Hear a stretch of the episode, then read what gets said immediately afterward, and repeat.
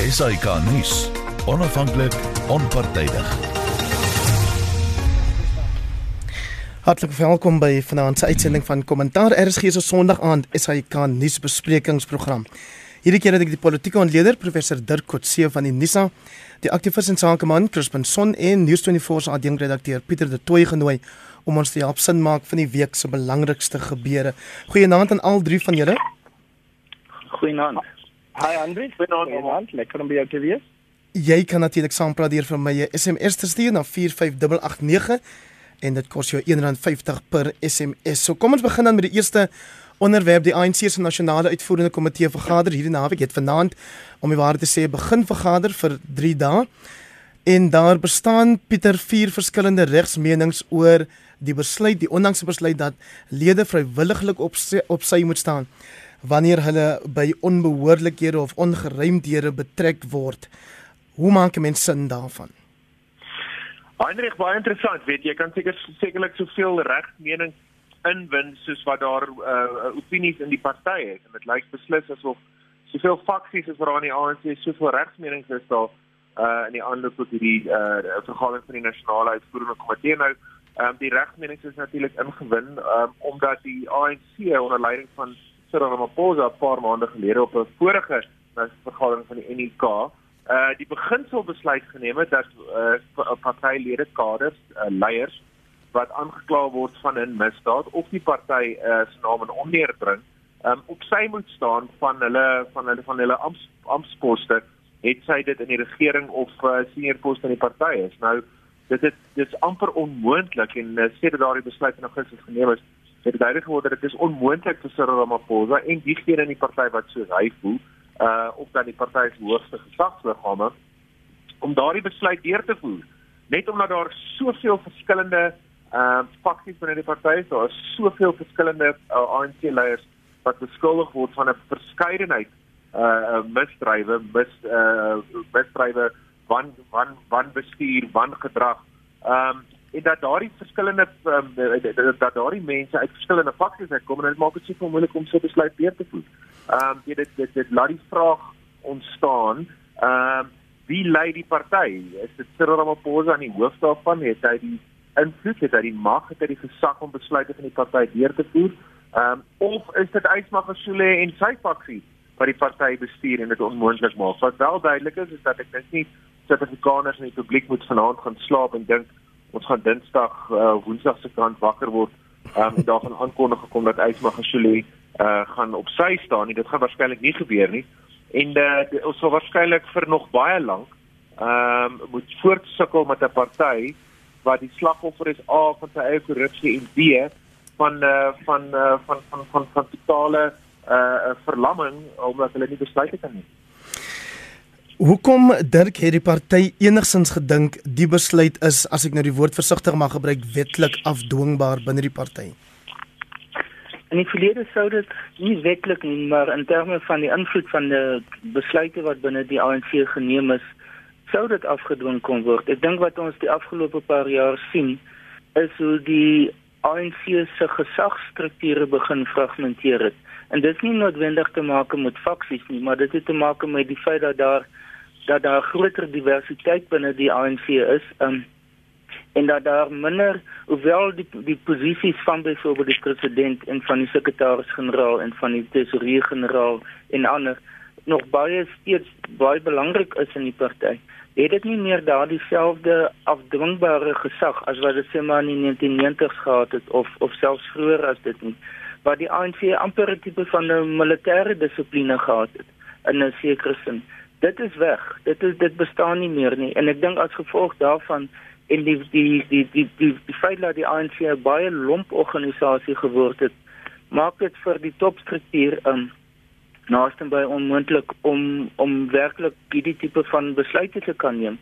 Um, die die ANC se grondwet en dis die kompliserende faktor is stil hieroor. Daar is nie enige reëlings wat in die in grondwet gekry word om te sê dit is dit kan plaasvind, dit is een van die prosedure reëls nie wat in wat in grondwet te sprake is is reël 25 wat gaan oor dissiplinêre optrede um, en dan die integriteitskomitee dis die twee hoofmeganismes wat daar bestaan in die ANC se strukture of se prosedures ook.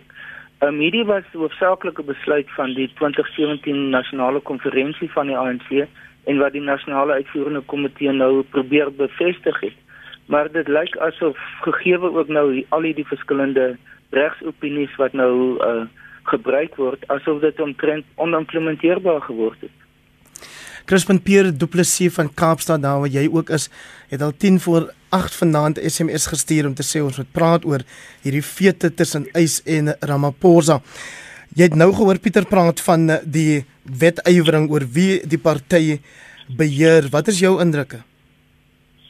Ja, en dit kyk vir my is natuurlik te leerstellend en ek sal seker sê vir die Suid-Afrikaners dat ons 'n wet uh, 'n opinie nodig het. Jy weet die as daar as er enige gerugte is van wanbestuuring of korrupsie teenoor enige persoon wat 'n publieke rol vertolk, dan is dit mos nou van selfsprekend dat die persoon sal terugstaan sodat hy sy naam kan uh, kan herstel en dat die prosesse van die party bo kan sy eie staan. Maar dis wat ons in 'n normale omgewing sal verwag.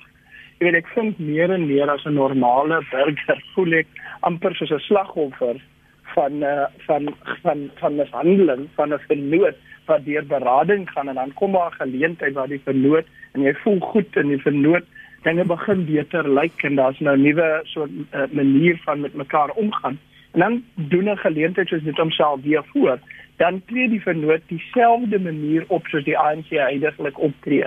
So ek dink jy weet dat ons eens uh, dit is 'n dis is dit dis 'n slegte ding dat ons in hierdie tyd 'n samelewing nog praat van van uh, van 'n wetlike posisie en wat die wetsopinie is.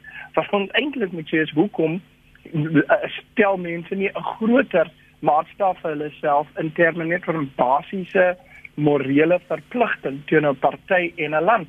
En dit is weer eens 'n bewys van die feit dat uh, ongelukkig daar nie beheer is binne in die ANC nie en dat as gevolg van die feit dat hulle hierdie in uh, politiek het met mekaar lei die land daaronder. I mean ons het daar se hele paar beleids belangrike beleids uh, uh, uh, gesprekke en posisies wat moet ingeneem word en dis waar ons leierskap se kop moet staan en nou is hulle vasgevang in 'n interne uh uh uh um stryd wat glad nie vir ons uh, as uh, as burgers en as 'n ekonomie en as 'n land is is 'n uh, uh, om 'n sosiale omgewing vir ons uh uh vorentoe neem nie. So ek moet sê dis uh dis teleurstellend dat ons praat van wetlike posisies.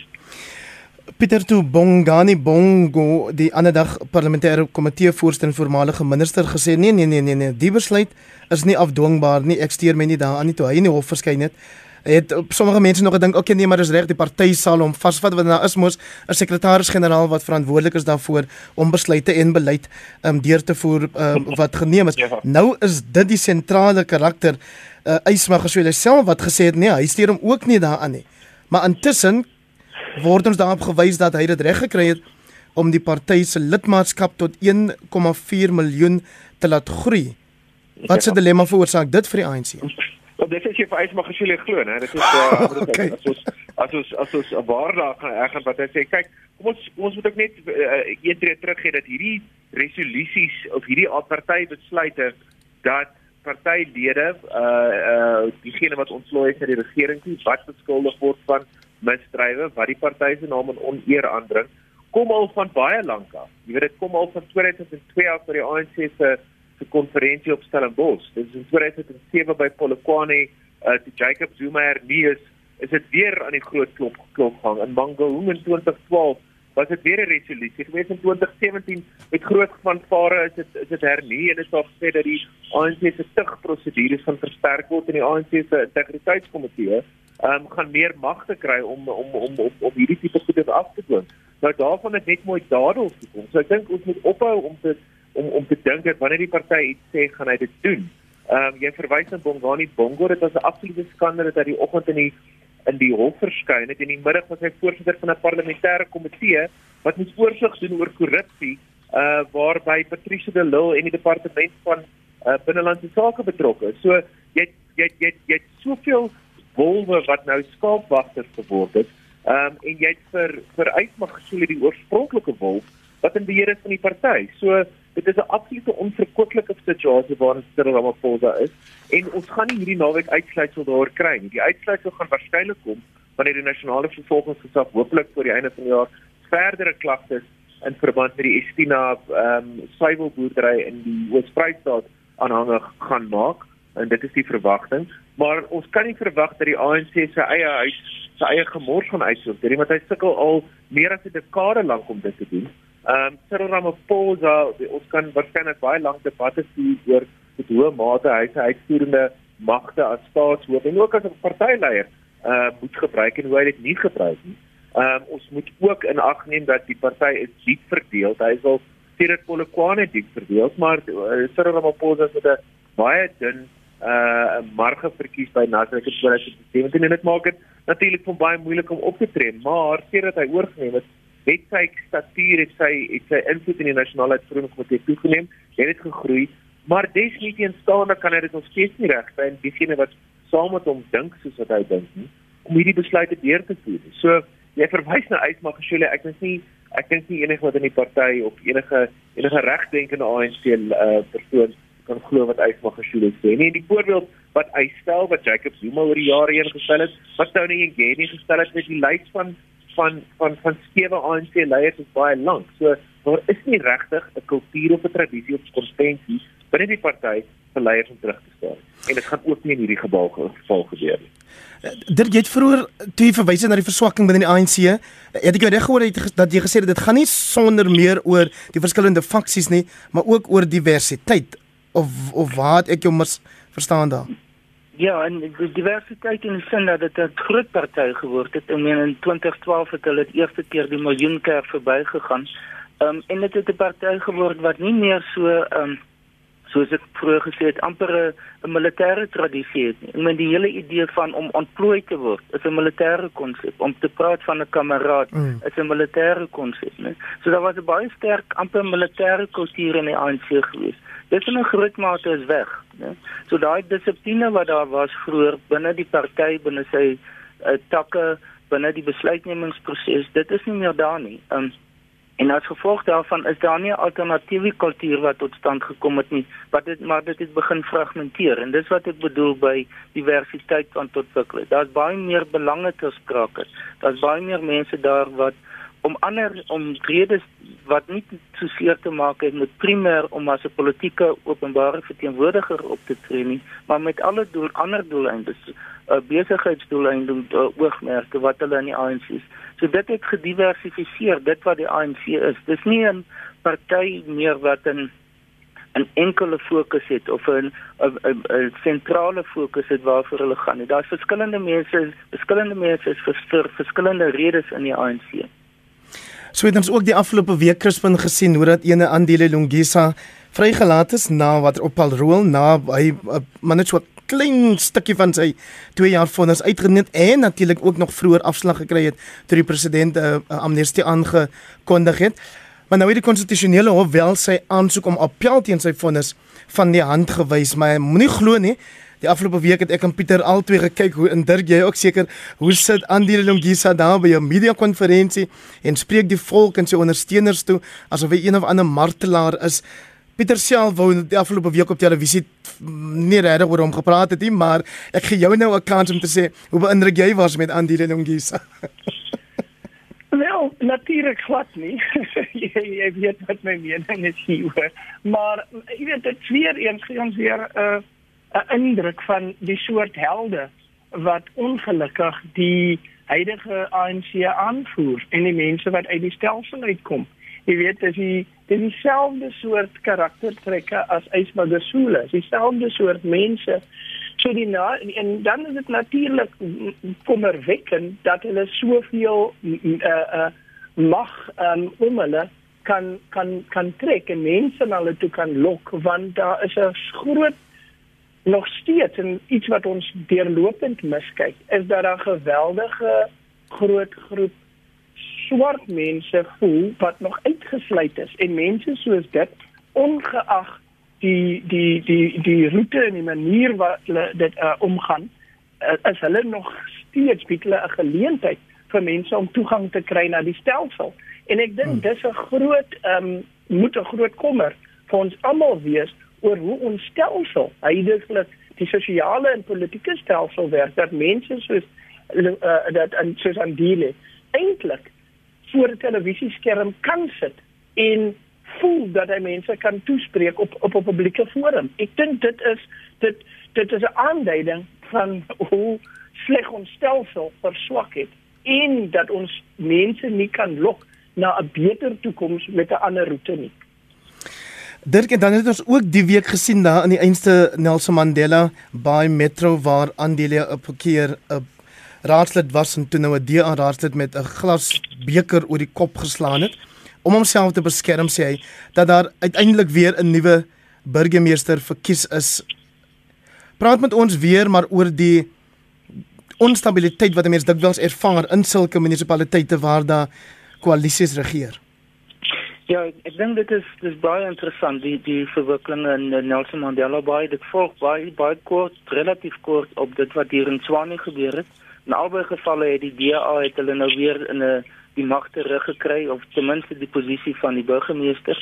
Ehm um, hulle sal koalisies moet vorm um, om uiteindelik weer te, te te kan funksioneer daar.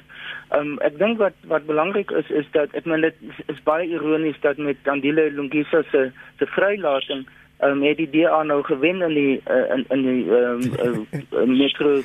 Ja. Ehm um, so die invloed wat hy gehad het in die ANC of het in die ANC het nie regtig baie gehelp nie. Nou was selfs sprake dat hy betrokke was by die ontwrigting wat daar plaasgevind het in die proses van die verkiesing. Ek dink wat wat wel belangrik is vir die DA is die feit dat hulle ek meen dis nou relatief kort voor die volgende tussenverkiesings, ronde van tussenverkiesings en dan volgende jaar se se nasionale plaaslike verkiesings ehm um, dat hulle moet kan wys dat hulle wel besig is om dit wat hulle verloor het sedert 2016 veral in die metros dat hulle dit op 'n manier kan terugwen. Ehm um, die feit dat baie van hierdie byvoorbeeld hier in Swani was dit onder administrasie gewees in in Nelson Mandela Bay was dit eers onder die burgemeesterskap van van die UDM Mongameli Bubani wat ongelukkig nou oorlede is as gevolg van COVID um, en toe die ANC was wat die burgemeesterskap gekry het en nou weer gaan dit terug na die DA toe. So dis 'n aanduiding van die die groot mate van onstabiliteit wat daar in eerste instansie in Nelson Mandela Bay is maar maar ook vir nou vir lank in in Swanie was. Ehm um, die die gemeenskaplike faktor in al drie want die Johannesburg is eintlik ook ter sprake is die EFF se posisie. Ehm um, hulle was vanaf 2016 die sogenaamde kingmakers wat eintlik die die die die stemme gehad het wat bepaal, kon bepaal watter van die DA of die ANC aan bewind kon wees of koalisies kon vorm in Nelson Mandela Bay in Johannesburg die het in 'n sekere sin is gemarginaliseer en staan op die oomblik redelik op die kantlyn in in al drie gevalle. Um, en mense sal sien wat die effek daarvan gaan wees op volgende jaar se verkiesing want die die een ding wat die EFF nie kan doen voor volgende jaar se verkiesing is, is om te sê ons weet hoe om te kan regeer. Ons het ervaring daarvan opgebou oor die afgelope 5 jaar. Ons weet byvoorbeeld hoe om 'n huis te bou, hoe om 'n huis te elektrifiseer, hoe om water te voorsien. Dit kan nou nie op die oomblik sê nie. So ek dink as as gevolg daarvan en die jongste gebeure nou in Nelson Mandela Bay waar die EFF weer eens nie te sprake is nie. Ehm um, gaan uiteindelik die patrone wat vorentoe gaan ontwikkel op plaaslike vlak gaan dit baie beïnvloed. Op watter wyse dink jy Pieter gaan die feit dat die wysigingswetsontwerp oor plaaslike regering ehm um, wat te doen het met munisipale stelsels nou hierdie donderdag goedgekeur is deur die nasionale vergadering en onder meer sogenaamde kaderontplooiing by sulke rade verbied help om groter stabiliteit, beter dienslewering te bewerkstellig? Wel, as jy verstaan dat al wet wetgewing stukke wetgewing moet deurgevoer word om op die einde van die dag werkstelsels uit mense uit en mense en en en en en, en politieke partye gaan gaan stelsels altyd probeer uitbuit. So ek is nie oortuig dat dit heeltemal uh, kaderontplooiing sou uitskakel nie. Dit sal wel hoop dat meer stabiliteit sal wees. Ons beweeg volgende jaar natuurlik soos jy genoem het, uh, gaan ons die uh, plaaslike regeringsverkiesings en munisipale verkiesings en ek dink uh, kiesers van van baie fyn moet dink voor hulle volgende jaar hulle hulle krisis trek. Ehm um, die afgelope paar kere het ons gesien dat munisipale verkiesings eintlik maar op 'n nasionale basis uh, gevoer word en die veldtogte rondom nasionale kwessies uh gevoer word en in 2016 het die DA ook met oppositiepartye natuurlik teen alle verwagtinge in uh die die stadsrade van Johannesburg en Tshwane ook vir die ANC oorgeneem. Dit was glad nie te verwagting en wat ons 17 dae gehad het in Johannesburg en in Tshwane, uh natuurlik soos in ook in Nelson Mandela Bay waar jy nou by was daar groot skaalse onstabiliteit geweest. Ons het in al daardie rade het ons gereelde veranderings in in stadsregerings gesien. Ons het gesien hoe daar gesukkel word om begrotings deur te voer.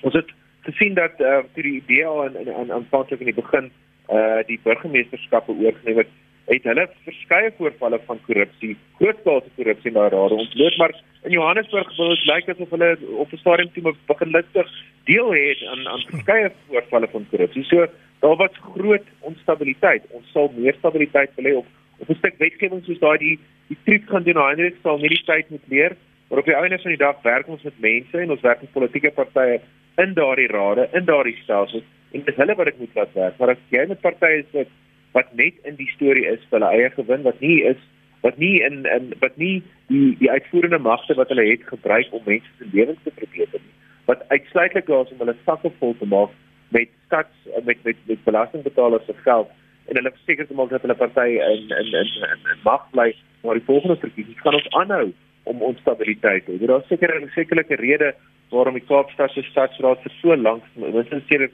2006, so stabiel is, want jy het 'n dominante party daarso, ehm um, wat werklik hard probeer het en ek het op die stad van Kaapstad gebly soos soos uh, soos soos soos soos jy doen Hendrik en dit is 'n stad wat grootendeels werk. Dit is 'n enorme frustrasie om in Johannesburg te bly waar ons nou is en waar Dirk op Pretoria is om plekke te bly waar jy sien dat jou belastinggeld nie werk nie, waar jou belastinggeld in 'n in 'n gat afgooi.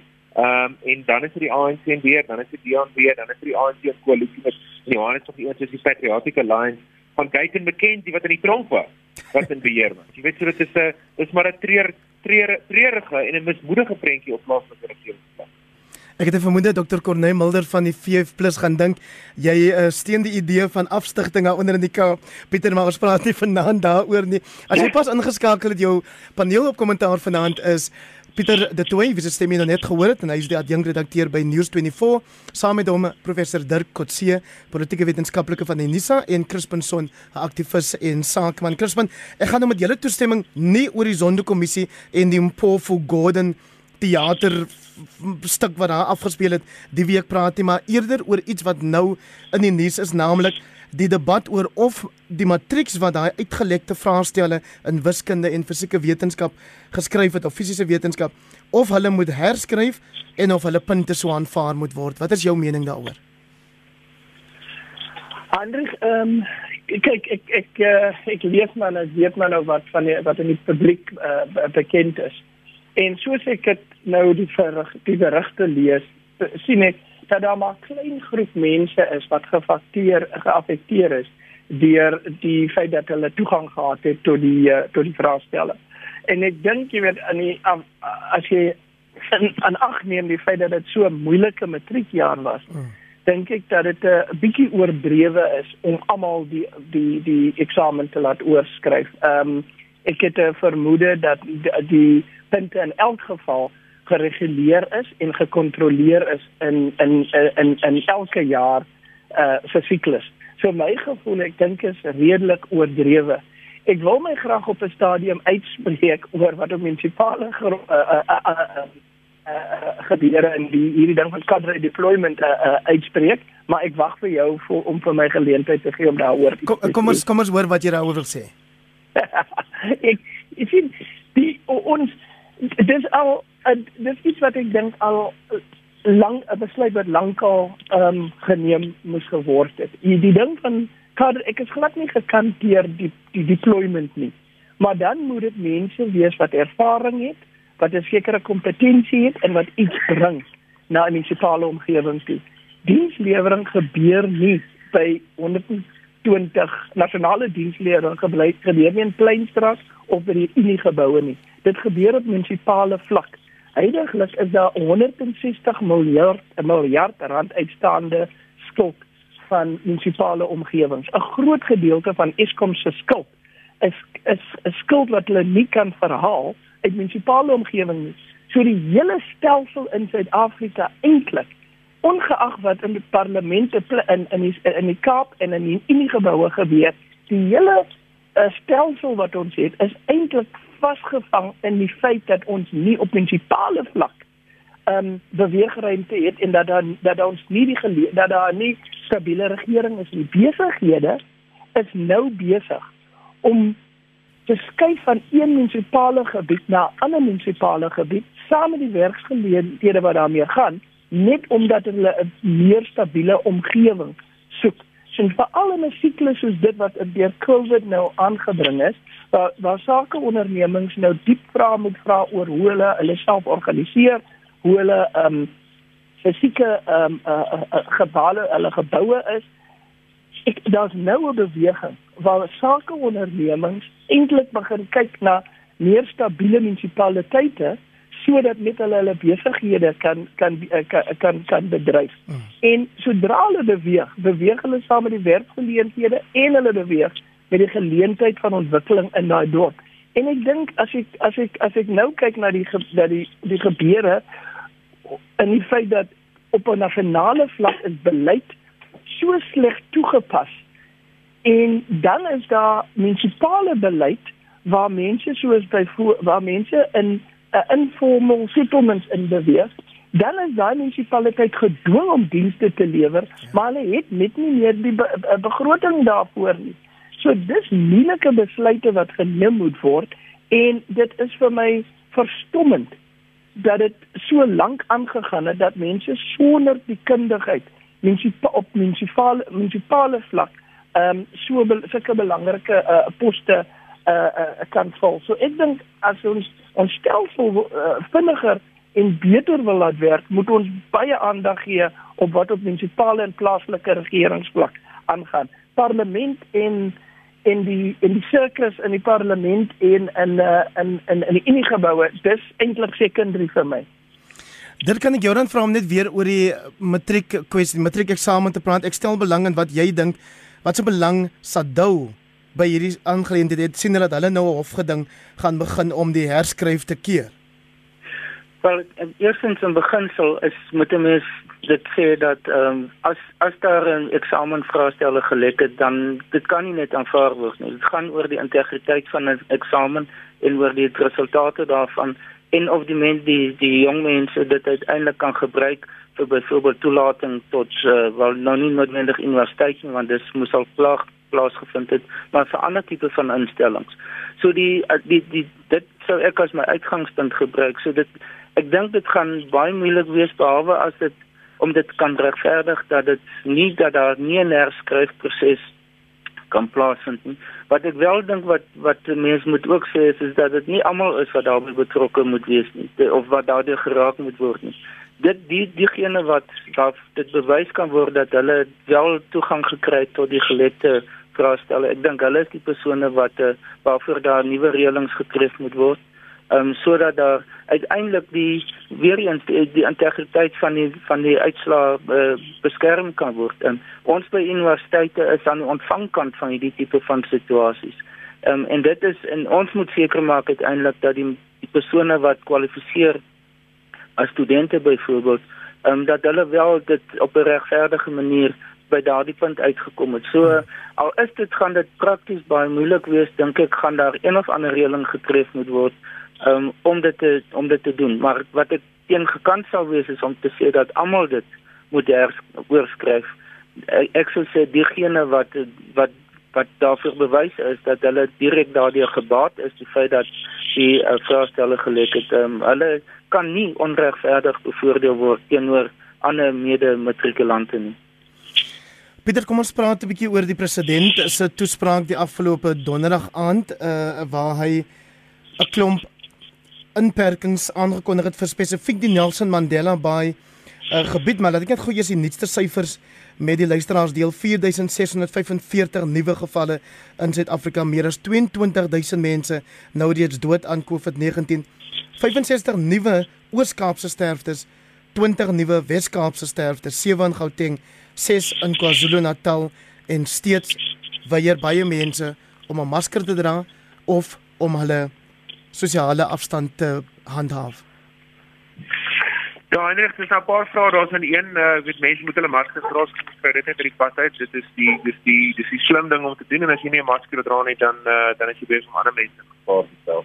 Uh nou jy het, jy het gevra nou nou die president toespraak donderdag aand ons het hom nou 'n paar keer hierdie jaar gesien. Eerste eerste groot toespraak wat hy gelewer het hier oor sy jy onthou was op 15 Maart gewees reeds so hy ook op 'n baie ehm um, baie bedrukte manier die nuus met die land gedeel het en en, en die laaste toespraak was maar baie dieselfde gewees. Hmm. Hy was baie gefrustreerd met Suid-Afrikaners se se sosiale gedrag hier daarna verwys en was baie geïrriteerd met die manier waarop Suid-Afrikaners beplan om uh, om uh, in die feestyd uh vakansie te gaan hou want daar was reeds 'n hele paar uh soos soos wat ons in Engels skryf super spreader voorvalle gewees waar 'n klomp mense bymekaar gekom het en dit het dan gelei tot tot groot uit uit uit uitbrake van uh uh uh van van die siekte. Die Ooskaap hierdie afgelope ruk en ons het by nuus in die voorbeeld vorige jaar berig het 'n uh, opwelling gesien van infeksies. Uh die Weskaap het reeds uh te kenne gegee dat dit dit gaan maar swaar daar veral langs die tuine. Dit is so die die president het baie teesinnig en baie gereageer toe nou aangekondig dat daar sekere uh, ingrypings gaan wees, maar wat wel verbasend was, is dat die tuinroete hierdie keer uh, ontsnap het dat die tuinroete nie spesiale inperking gekry het nie. Dit dit lyk en dit klink asof die uh, ekonomie die, die debat rondom die ekonomie en die ekonomiese skade wat dit sou kon veroorsaak veral in die Weskaapse ekonomie wat in Desember, Desember, Januarie baie afhanklik is van toerisme, dat die skade daar te groot sou gewees het. Ehm um, eweneens in die Weskaap lyk dit asof by asof die regering en die president gepou het onder druk van tradisionele leiers om inisiasieskole skole te laat voortgaan wat wat ook vreemd is, maar seker nie vreemd in die lig is as mens dink die afgelope paar maande hoe die taxi bedryf en ander belangegroepe en drukgroepe ook uh eh, kwyt geskeld is van van uh van van inperkings soos wat die res van die land aan aan aan aan onderworpe is nie. Dis natuurlik 'n moeilike situasie vir die regering. Dit was van die begin af 'n moeilike situasie. Maar ek dink daar sal nog baie boeke geskryf word en baie diep ontledings gedoen moet word oor hoe die regering hantering van hierdie krisis was. Ek dink die algemene konsensus die eerste paar maande was goed. Die middelste paar maande het swakker gegaan in die laaste ruk. Ehm um, hierdie regering nogal gesukkel om hierdie siekte onder beheer te hou. Die minister van van gesondheid lyk like as by politiek speel en natuurlik ook 'n oog op ANC leierskapsverkiesings. Ehm um, en, en en net om terug te bring na die UNITA vergadering, jy weet ons ons het baie tyd spandeer in die begin van die gesprek om te praat oor die ANC se leierstryd en eis teen Cyril en die kant toe en daai kant. Terwyl die grootste kwessie wat die land in die gesig staar is COVID-19. Is, mm. is is hoe om hierdie pandemie uh hok te slaan en dit lyk asof dit vir die regering en definitief vir die party uh 'n saak van dringendheid is. Net soos vir die ekonomie en hoe die ekonomie sukkel en hoe die ekonomie onder onder druk is ook nie 'n prioriteit vir die regering uh in die ANC is nie. Hulle hou hulle self eerder besig met politieke ry en leierskapstryde en faksiegevegte as om by die werklike belangrike kwessies uit te kom. En ek word oorgelaat aan iemand soos Ellen Windy, die DA se premier in die Weskaap wat kennelik 'n baie goeie uh baie goed vir sy taak kwyt om uh, om duidelike en sigbare leierskap te gee. Ek wil hoor uh, Crispin wat jou indrukke is daaroor want daar daar is tog die vraag oor soos Pieter ook nou gesê het waarom in Nelson Mandela Bay maar dan kom die tuinroete skynbaar jy weet uh, ligter daarvan af. Wat die inisiasie skole aanbetref het die pre president daarom gesê hy het nou die onderneming van die tradisionele leiers dat hulle streng sal hou by die gesondheidsregulasies en dis meer. Wat wat dink jy het die was die deurslaggewende faktor wat betref die tuinroete um, as 'n 'n brandpunt wat nie onmiddellik onder strenger regulasies geplaas is nie. Ja.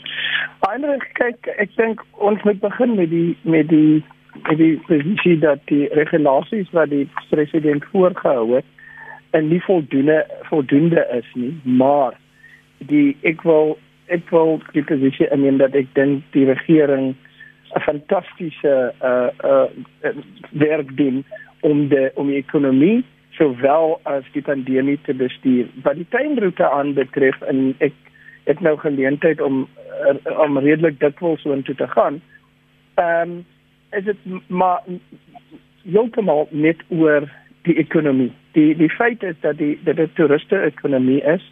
Dit is totaal en al gedrewe deur uh deur ehm um, 'n bietjie landbou en dan toerisme.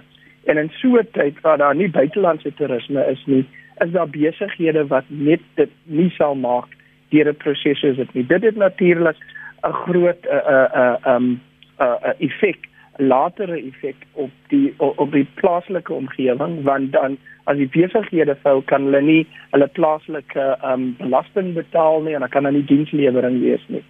Die die groot probleem wat die president mee worstel en ek dink hy hy worstel beslis en ek dink hy gee baie aandag daaraan is die feit dat die ekonomie is eintlik besig om te herstel. Ehm um, hierdie week alleenlik het die Olshe indeks na 59000 uh, punte ehm um, uh, uh, geklim en herstel met omtrent so 2300 punte hierdie week. Ehm um, so op die institusionele uh, mark begin dit beter gaan. Ehm um, meer banke begin weer ehm um, lenings uitgee aan retail kliënte. So die ekonomie is besig om te herstel, maar daar's ook geweldige probleme. 77% van ongedekte lenings is een of twee uh, paaiemente agterstallig. 23% van motor- en huisbetalings is een of meer um, paaiemente agterstallig. Dit sal net vererger word as daar strenger inperkmaatreëls is. Ja. Wat Nelson Mandela Bay betref, was die ek dink die stat, statistieke net so beduidend dat daar geen manier was dat dat, dat die president nie uh, verdere inperkmaatreëls um, uh, moes implementeer in, uh, in in Nelson Mandela Bay nie.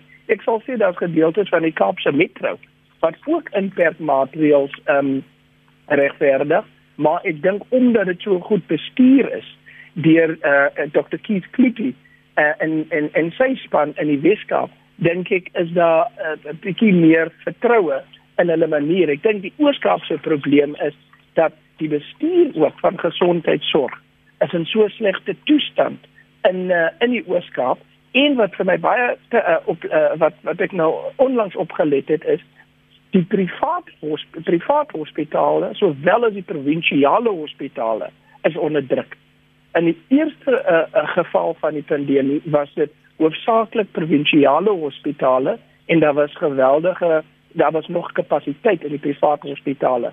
Wat ek nou optel is dat al die uh, die privaat en die uh, publieke stelsel ja. onder geweldige druk is en ek dink dis net as in in, in Nelson Mandela by is maar geaffekteer deur hulle swak ehm um, bestuur van die gesondheidsomgewing daar. Ja, Dirk, ek is nou onder geweldige tydsdruk hier, so jy het minder as 'n minuut oor om asseblief vir ons iets te sê oor die kwessie van 'n uh, instof. Ehm um, Suid-Afrika News 24 het vroeër in die week gesê Suid-Afrika het spertyd gemis om ons bydrae te maak daarvoor, maar toe het die minister van Finansies Vrydag gesê nee nee nee, ons het nog tot 15 Desember om daai betaling te maak. Hoe moontlik dink jy is dit dat ons teen April hierdie enstofsaal bekom want die mediese kundige sê vir ons as dit as ons dit nie teen dan het nie dan gaan ons probleme hê met die winterseisoen wat nader kom. Ja, ek dink die hele kwessie rondom enstowwe gaan een van die groot kwessies van 2021 word. Die sogenaamde COVAX konsortium waarvan ons nou ook deel is aan waarvoor ons 'n paar honderd miljoen uh, rand vir moet betaal en wat nou lyk my van die solidariteitsfonds af gaan kom. Dit dink ek is is veronderstel uh, om deur deur die wêreldgesondheidsorganisasie bestuur te word om te probeer om 'n bietjie van 'n orde te skep in tussen die tussen in die kompetisie wat daar gaan plaasvind tussen die verskillende lande. Maar my voorspelling is dat as jy nie 'n baie 'n land is wat probeer om op 'n baie vroeë stadium voor in die ry te staan, soos wat die Europese lande nou besig is om te doen, Rusland wat van die naweek af begin ja. het ja. met inentings nie, uh, dan gaan ons moeilikheid hê. So ek voor ek voorstel dat daar baie twist baie uh, kompetisie tussen verskillende lande gaan wees. En Suid-Afrika gaan deel word daarvan. Baie baie dankie dit dan te professor Dirk Coetzee van die NISA. Baie dankie vir jou deelname vanaand hier aan kommentaar saam met die aktivis en sakeman Crispin Son en ook Pieter de Tooy van News24. Ek is Hendrik Weingart en ek groet tot volgende Sondag.